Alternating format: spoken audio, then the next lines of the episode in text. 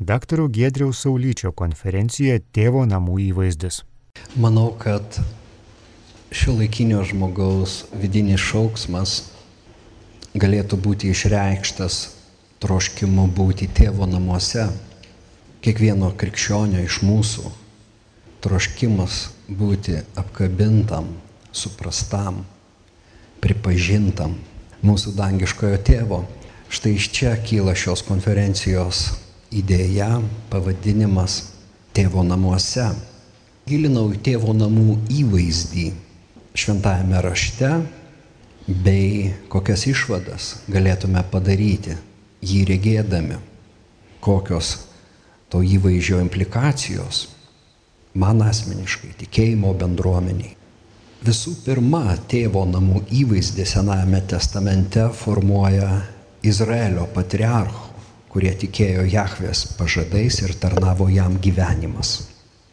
Be abejo, visos mūsų tikėjimo šaknis yra Senajame testamente, prasideda apreiškimas, apreiškimo užuomasgos, jų ieškome Senajame testamente, tai ir tėvo, tėvo namų Kągi Biblija kalba apie tai.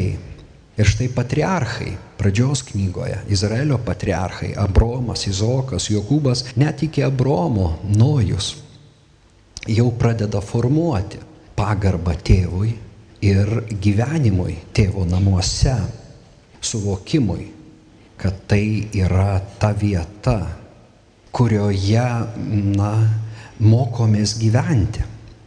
Tėvas yra šeimos kunigas, aprūpintojas ir globėjas. Ir penkiaknygiai įtvirtina tėvo orumą kaip gyvenimo ir žmogiškumo šaltinį, kaip dorovės principų pamatą. Niekinti tėvą gali tik nedoras sunus. Ir mes turime Hamo istoriją. Nojus turėjo tris sūnus - Setą, Hamą ir, ir Jefetą.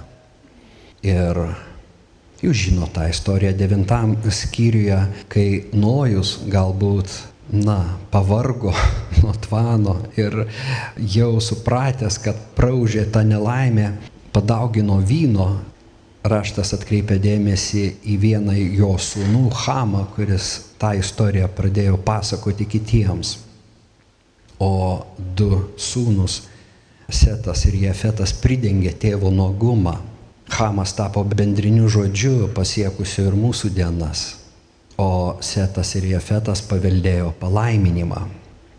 Hamas tai nekultūringas, širkštus, to žieviškas žmogus mes šiandien sakytume.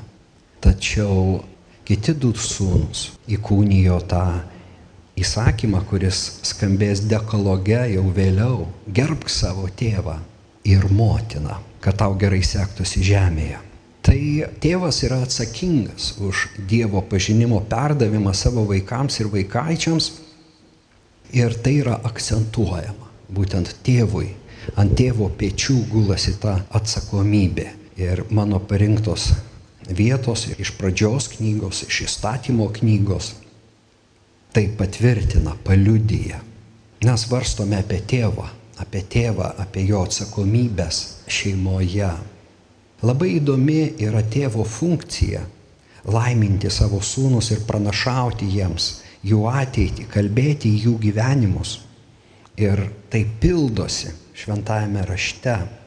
Iš tiesų, kai Jokūbas laimina 12 savo sūnų, mes jau turime pranašystę apie Jėzų, kai jis kalba Judui, kad nuo Judo nepasitrauks skeptras ir Judas yra tas jaunas liūtas, Na ir apreiškimo knygoje mes turime tą įvaizdį. Pradžios knygoje, apreiškimo knygoje. Taigi tos tėvo pranašystės siekia toliau ne vieną, ne dvi kartas. Šiuo atveju Izraelio, nes toks tapo Jokūbo vardas, pranašystė siekia eschatologinę ateitį, kurios mes dar nematėme, dar neatėjome iki to taško. O štai žiūrėkite, Pabaigoje Jokūbas pašaukė savo sūnus, kalbėjo, susirinkite, paskelbsiu jums, kas vyks su jumis ateityje, susirinkite ir klausykite Jokūbo sūnus, pasiklausykite Izraelio, savo tėvo. Na be abejo, šito atkartoja Izraelio išminčiai. patarlių knygoje, išminties knygoje yra tas šaukinys paklausyk tėvo pamokymų sunau, įsiklausyk, palenk savo ausį. Ir čia vat, man labai gražu, pasiklausykite Izraelio, savo tėvo, nes tai, ką tėvas kalba, prireiks tos išminties, pildysis jo išvalgos. Dabar aš noriu jūs pamokyti, skaityti hebrajų kalbą ir parodyti, kad Dievas kaip tėvas jau atrandamas Izraelitų varduose. Mes galime atrasti tai. Tai va, hebrajų kalbą skaitome ne iš kairės į dešinę, bet iš dešinės į kairę. Pirma eilutė yra pirmos trys abecėlės raidės, žinokit. Alef, bet ir gimel. Čia dar ne žodis, čia tik tai abecėlė. O štai antra eilutė jau žodis. Spėkite koks. Af. Teisingai perskaitėm. Af. Ir tai yra ne kas nors kitas, o tėvas. Pirmosios dvi abecėlės raidės yra tėvas. Af. Tai stipru. Tėvas yra langas į pasaulį sūnui. Skaitydamas tėvo mintis, sūnus suvokia gyvenimo abecėlę, pradeda dėlioti žodžius, mokosi gyventi. Štai taip hebrajai, na, parinko. Tėvas visų pirma. Af. Na, o dabar keli žodžiai iš hebrajų vardyno, ar su, vardai sutinkami Senajame testamente. Pirmas yra Joaf. Žiūrėkit, Joaf. Ir jeigu atidžiai stebime, mes vėl matome tą Av, ar ne, atsikartojantį. Av jau turėtumėte matyti, kad yra tėvas. O jo kyla iš kito žodžio - Javai. Javai. Taigi mes gauname, Joabas yra Jahve tėvas. Arba, na, galėtume įterpti, yra Jahve, yra tėvas. Joabas. Na va, duoda vaikui Joabo vardą ir tuo pačiu jau išpažįsta, kad Jahve yra tėvas. Inversija, apvertimas. Ir mes turime kitą vardą - Abija. Abija, vėlgi dabar tas Af kartais tarėsi Avijah, iš tiesų čia turėtume tarti Avijah. Tai va, bet ta hebrajiška V gali sukėtėti ir būti Ab. Tai va, tai mes turime Af ir gale, Javė persikėlė į galą. Taigi, Abijas tėvas Jahve. Na, hebrajų vardai be galo įdomus ir ten prasmės tiesiog stulbina. Bet čia jau mes atrandame vat tokį dalyką, kad pažinę Abromo Izoko Dievą ir turėdami tą patriarchalinį kontekstą arba tos tėvus, patriarchus, turinčius, na, tas didelės šeiminas, vaikų gausybę, jie tiems vaikams jau per tuos vaikus pradeda išpažinti. Arba norėtų išpažinti, aš taip sakyčiau, kad Jahve yra mūsų tėvas. Dievas kaip tėvas myli savo vaikus ir jų gailisi. Tai atrandame 103 psalmiai, kaip tėvas gailisi vaikų. Palyginimas. Reiškia, žiūrima į šeimos gyvenimą ir pradedama svarstyti, mąstyti apie Jahvę, apie viešpatį. Ir sako, viešpats panašiai elgesi kaip tėvas. Analogija tokia. Tačiau patarlėse mes matome, kad jo gailestis taip pat apima ir, na, drausminimą. Jisai auklėja savo vaikus. Ką myli, tą viešpats sudraudžia, kaip tėvas mylimą sūnų.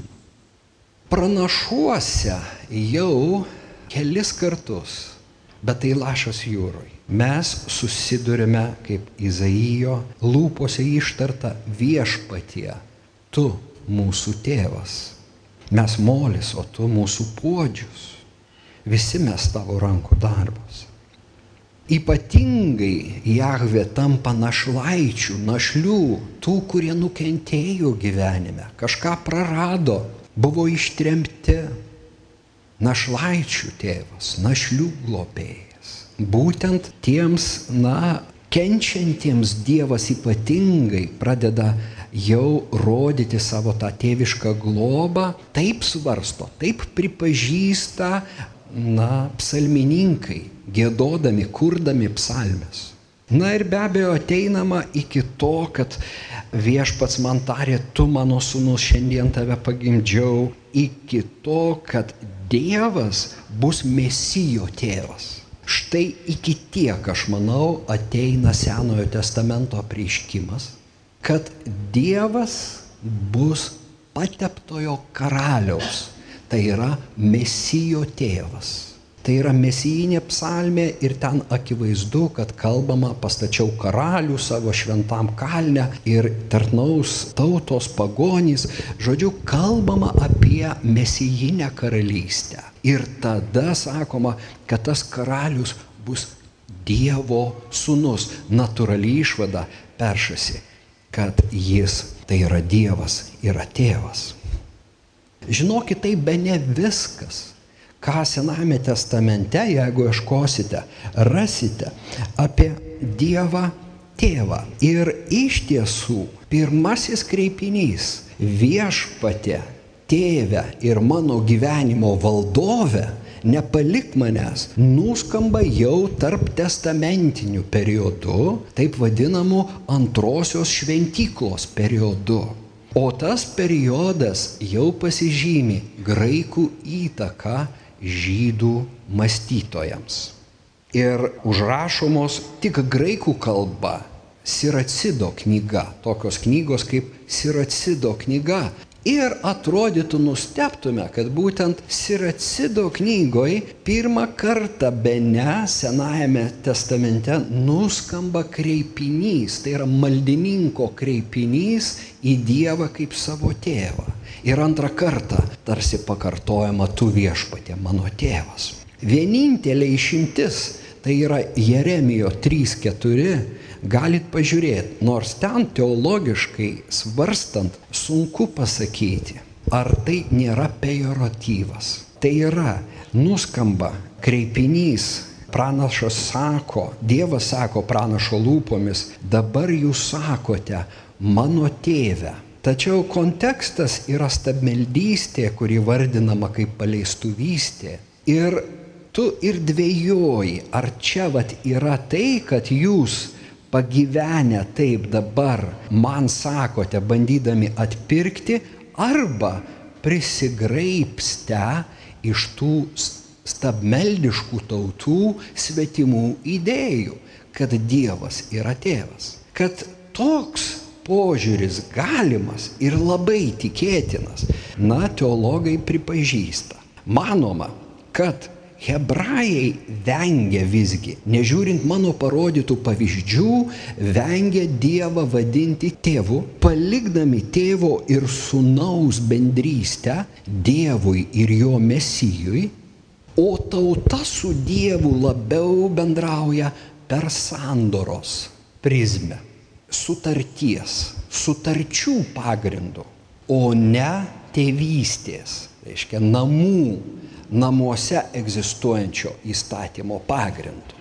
Tačiau panašu, vėlgi panašu, kad graikų įtakoj na, prasideda žydų diaspora ir natūraliai, kai graikai tampa pasaulio valdovais per, na, makedonietį, Aleksandrą makedonietį, ta įtaka paplinta, čia neverta apie tai išnekėti, tai atsiliepia ir hebrajų mąstymui, hebrajų minčiai. Ir čia, na, kaip patvirtinimą, aš parenku Platoną, tačiau galima ieškoti jau anksčiau, graikų mitologijoje. Dzeusas yra tėvas, jis yra vyriausias, Dievas tėvas. Ir Platonas nėra vienintelis graikų mąstytojas, kalbantis apie, na, kurėją kaip tėvą. Bet šita citata yra pritrenkinti. Ypač skaitant tai graikų kalba.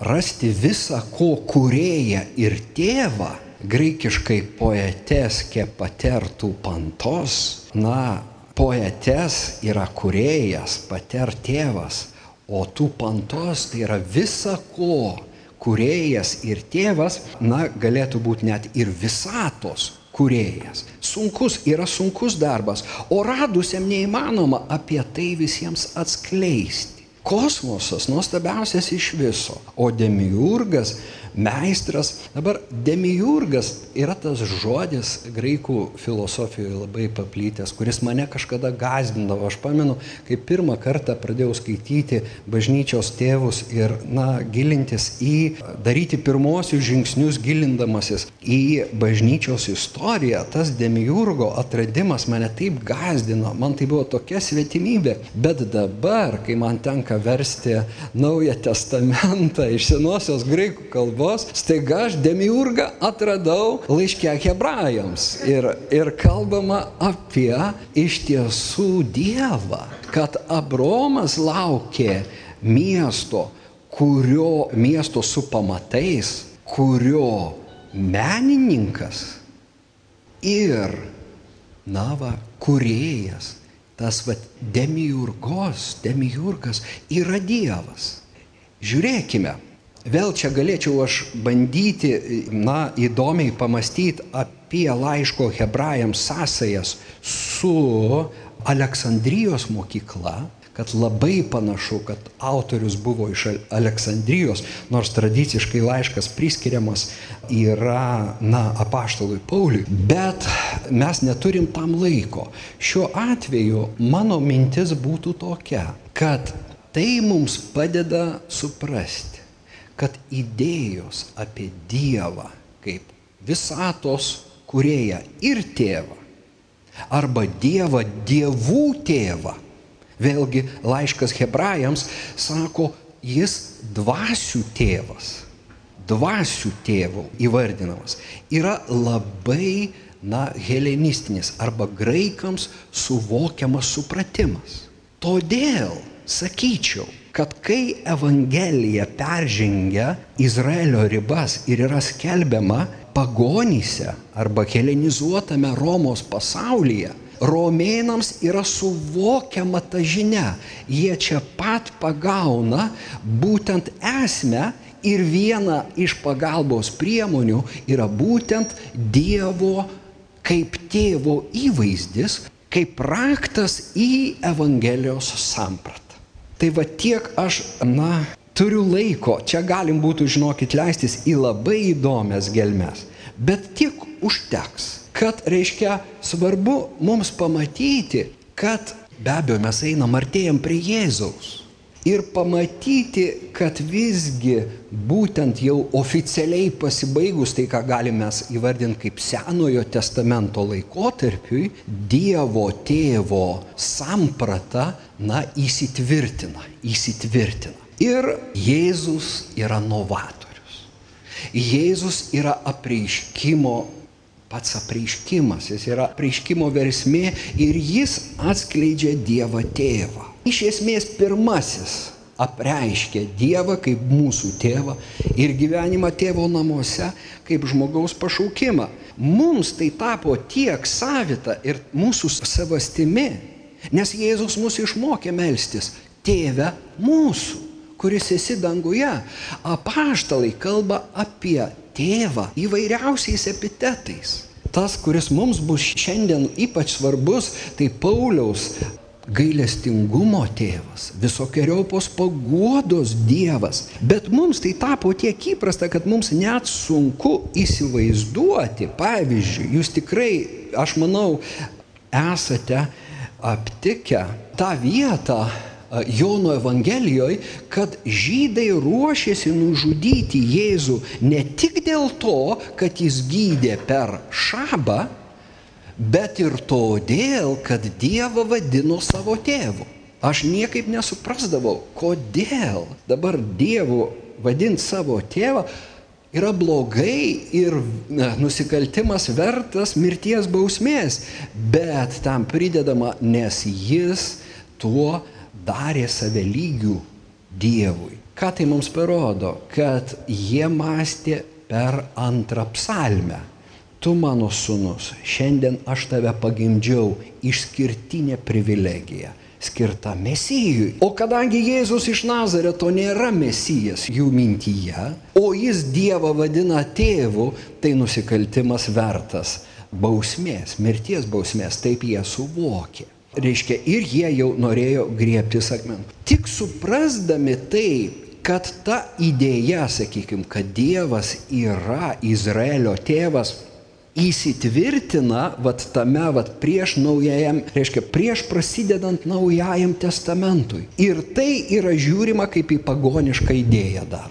Nes pagonių raštuose tai labai populiaru, kaip jau minėjau, ir tarp kito ne tik graikų, ne tik graikų. Reiškia, todėl kaip mums keista bebūtų, Dievo tėvo, reiškia, na, samprata ateina labiau per kitas tautas nei per Izraelį. Nors visai pasakyti, kad to nėra, jau negalim, nes mes pažiūrėjom, kad yra kitaip. Jūs girdite Marijos radiją. Dabar trys dalykai Čia nu, apie Naują Testamentą ir Dievą Tėvą Naujajam galėtume kalbėti labai daug, bet aš tris dalykus. Pirmas yra, kad Jėzus Kristus yra dangiškasis tėvas žemėje. Ir jis teigia, jeigu pažinote mane, pažinsite mano tėvą. Kas yra matęs mane, yra matęs tėvą. Aš ir tėvas viena. Štai kodėl mums taip svarbu pažinti Jėzų, nes kitaip mes nežinom, koks yra mūsų tėvas. Tik žiūrėdami į Jėzų. Ypač gražus išsireiškimas yra būtent Hebrajams 1.3, kur pasakyta, kad Jėzus yra Dievo šlovės spindesys ir jo esybės atspaudas. Ir va čia skaitant graikiškai staiga nustembi, nes perskaitai charakter ties hupo, hupostasijus autų.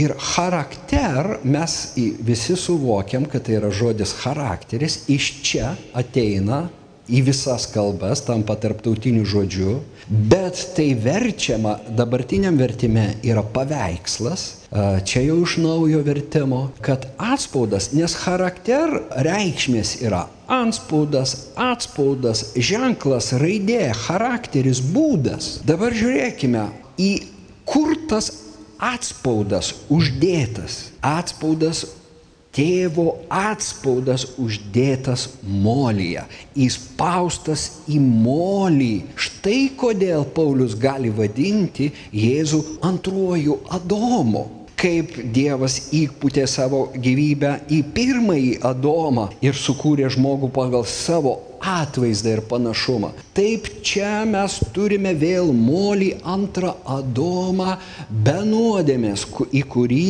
įspaudžiamas Dievo charakteris, jo esybės, na, esmė, jo ženklas. Jo raidė, netgi raidė labai įdomu, nes Jėzus prisistato per Joną kaip alfa ir omega. Štai kas yra Jėzus. Jėzus yra tėvo išraiška. Žiūrėdami, matydami Jėzų mes pamatome tėvą. Na, eikime prie namų, tėvo namų. Henry Naueno knyga Sūnaus palaidūno sugrįžimas yra iš, viena iš tų knygų, kurias verta skaityti. Aš pradėjau ją skaityti dabar, nors esu jau skaitęs, ne kartą, prieš va šią konferenciją ir sakau, aš niekad nemačiau, kad jis taip kalba gražiai. Bet jis sako, namai tai mano esybės centras, jame galiu išgirsti balsą sakantį, tu esi mano mylimas sunus, kuriuo aš geriuosi. Na, o palyginime apie du brolius, kas yra mano antras pasirinkimas. O trečias bus mano tėvo namuose yra daug kambarių. Tai va aš apie ir noriu palyginimą apie du brolius pamatyti tėvą ir mus. Nes mes reprezentuojame vieną iš sunų, o gal ir iš karto abudu. Tam tikrais etapais savo tikėjimo kelionėje. Bet namai yra ta vieta, kur tu išgirsti žodžius pasakytus Jėzui, tu esi mano mylimas sunus, kuriuo aš geriuosi. Kaip gerai išgirsti šitos žodžius širdyje ir saugoti juos, kai kalba pats Dievas kad tu esi mano sunus, tu esi mano duktė, aš myliu tave dar daugiau, aš žaviuosi tavim be galo žaviuosi. Na, o iškeliauti iš namų tai daugiau nei istorinis įvykis, tai neigimas tikrovės, kurioje aš priklausau Dievui kiekviena savo esybės dalelyte, kurioje Dievas saugiai glaudžia mane amžiname glėbėje, kurioje esu įrėžtas Dievo delnuose vėlgi įrėžtas. Čia aišku aluzija į Izaijo pranašystę ir paslėptas jo šešėlyje. Palyginimas vadinamas sunaus palaidūno, apie du brolius ir daug įvairiai. Aš pavadinčiau pirmąjį sūnų malonės sūnumi, antrąjį sūnų įstatymo, įstatymo sūnumi. Jūs žino tą istoriją ir mes jos negalim detaliai nagrinėti. E, tik tai kai kurios įžvalgos. Na, pirma, ta, kad pirmasis sūnaus, kai jisai sugrįžta į tėvo namus, išvaistęs turtą, nusiritęs visai, yra tėve. Pirmasis žodis - tėve. Pirmasis žodis maldos, kai mokiniai prašo Jėzau išmokyk mus melstis, yra tėve tas pats. Tarsi Jėzus sakytų, kad mes visi esam sūnus palaidūnai. Kai mes sakome tėve, mūsų pirmasis dalykas, ką mes pripažįstam, man reikalingas pasigailėjimas, kaip reikalingas buvo pasigailėjimas malonės sūnui kuris suklydo, bet po to susiprato, sugrįžo į save graikiškai, taip skaitytume. Ne tai, kad susimastė svetimoje šalyje, o sugrįžo į save. Ir apskritai aš pagalvojau, kad tėvė mūsų ir ta vat kelionė į svetimą šalį ir tas turi paralelių, žiūrėkime, apšiai duonos tėvo namuose. Atsiskyrus nuo namų duona išsenka, todėl maldoj sako, prašykime kasdienės duonos ar ne, tėve, nusidėjau dangų ir tau, reiškia, ir atleisk mums mūsų kaltes. Tos paralelės kažkaip labai tarptų, nors vieną papasakojo Lukas, na, bet tiesa, malda yra ir pas Luką, ne tik pas Matą, tėve mūsų. Kai sunus sako, tėve nusidėjau dangų ir tau, tai yra jo, jo širdies šauksmas, gelmė šaukia gelmiai, skaitom salmėje. Ir čia sunus šaukia iš gelmių, nesuvertas vadintis tavo sunumi. Į ką tėvas atsako? Tėvas yra širdies. Taip, leiskit pasakyti, na, tėvas Bet koks šauksmas iš širdies suvirpina jos stygas, jis išgirsta ir iš kur? Formali malda tikriausiai Dievo niekada nepalies. Jisaigi mūsų kurėjas, bet štai šita malda suvirpina. Nebereikia aiškintis, nebereikia jokių, na, atgailos ritualų. Viskas užskaityta, čia pat atleista. Ir sako, atneškite tą geriausią drabužį, graikiškai pirminį drabužį. Todėl teologai svarsto, kad greičiausiai čia yra tas Adomo vėlgi atstatymas. Pirminį, tai kas buvo pradžioje, tai kas prarasta. Na ir tada tas žiedas, pripažinimas jo palikimo, tau viskas priklauso, nieks nedingo, nors tu išvaistėjai, tau toliau priklauso mano turtai. Ir aišku, na, visas kontekstas kalba apie džiaugsmą. Trys palyginimai visuose minimas yra džiaugsmas ir šitame palyginime valgykime ir linksminkime malonės sunus, malonės tėvas, gailestingumo tėvas. Tada scenoje pasirodo įstatymo sunus. Pasitelkiu rytų ir vakarų teologus. Antony Blumą, Antonijus Rožietį žinoma ir taip. Jis niekada neįsivaizdavo, kad tėvo ir sunaus santykiai lemia ne darbas, bet širdis. Ne pareiga, bet meilė. Įstatymo sunus šito niekada negali suvokti. Nors jam reikia, jam reikės, jeigu jis nori pasilikti tėvo namuose, jis turės tą pripažinti. Dabargi jisai sako, štai jau tiek metų tau tarnauju. E, graikiškam tekste duleo, tai yra galima sakyti, štai tiek metų tau vergauju. Čia pilnas apmaudo išpažinimas ir niekada tavo įsakymo neperžengiau. Įstatymo sunus. Na, Josefas Ratzingeris kalba taip, kartėlis dėl Dievo gerumo išduoda šito įstatymo sunaus vidinį kartėlį dėl parodyto klusnumo. Jis paklūsta, bet viduj apkartęs, išryškinant iš šio klusnumo ribas. Viduje matyt irgi buvo trokštama iškeliauti į didžiąją laisvę. Tylomis pavydima to, ką gali sauliaisti kitas nepatirtą klajonių apvaliusių jaunesnį brolį ir leidusių jam pažinti, kas yra laisvė, ką reiškia būti sunumi. Laisvė, tiesą sakant, tebe jaučiama kaip vergystės jungas ir dar nesubręsta iki tikrosios sūniškos būties. Ir Hendrinauenas labai sunku kalbėti apie apmaudingo šventojo pražūtį, nes jis teigia, kad pražuvę yra abu sūnus tiek tas, kuris iškeliavo, tiek tas, kuris buvo namuose, bet nepažino tėvo širdies. Todėl jis irgi pražuvęs. Bet labai sunku kalbėti apie šią pražūtį, nes ši pražūtis glaudžiai susijusi su jo troškimu būti geru ir dorybingu. Jisai sako, išoriškai šis sunus gyvena nepriekaištingą gyvenimą.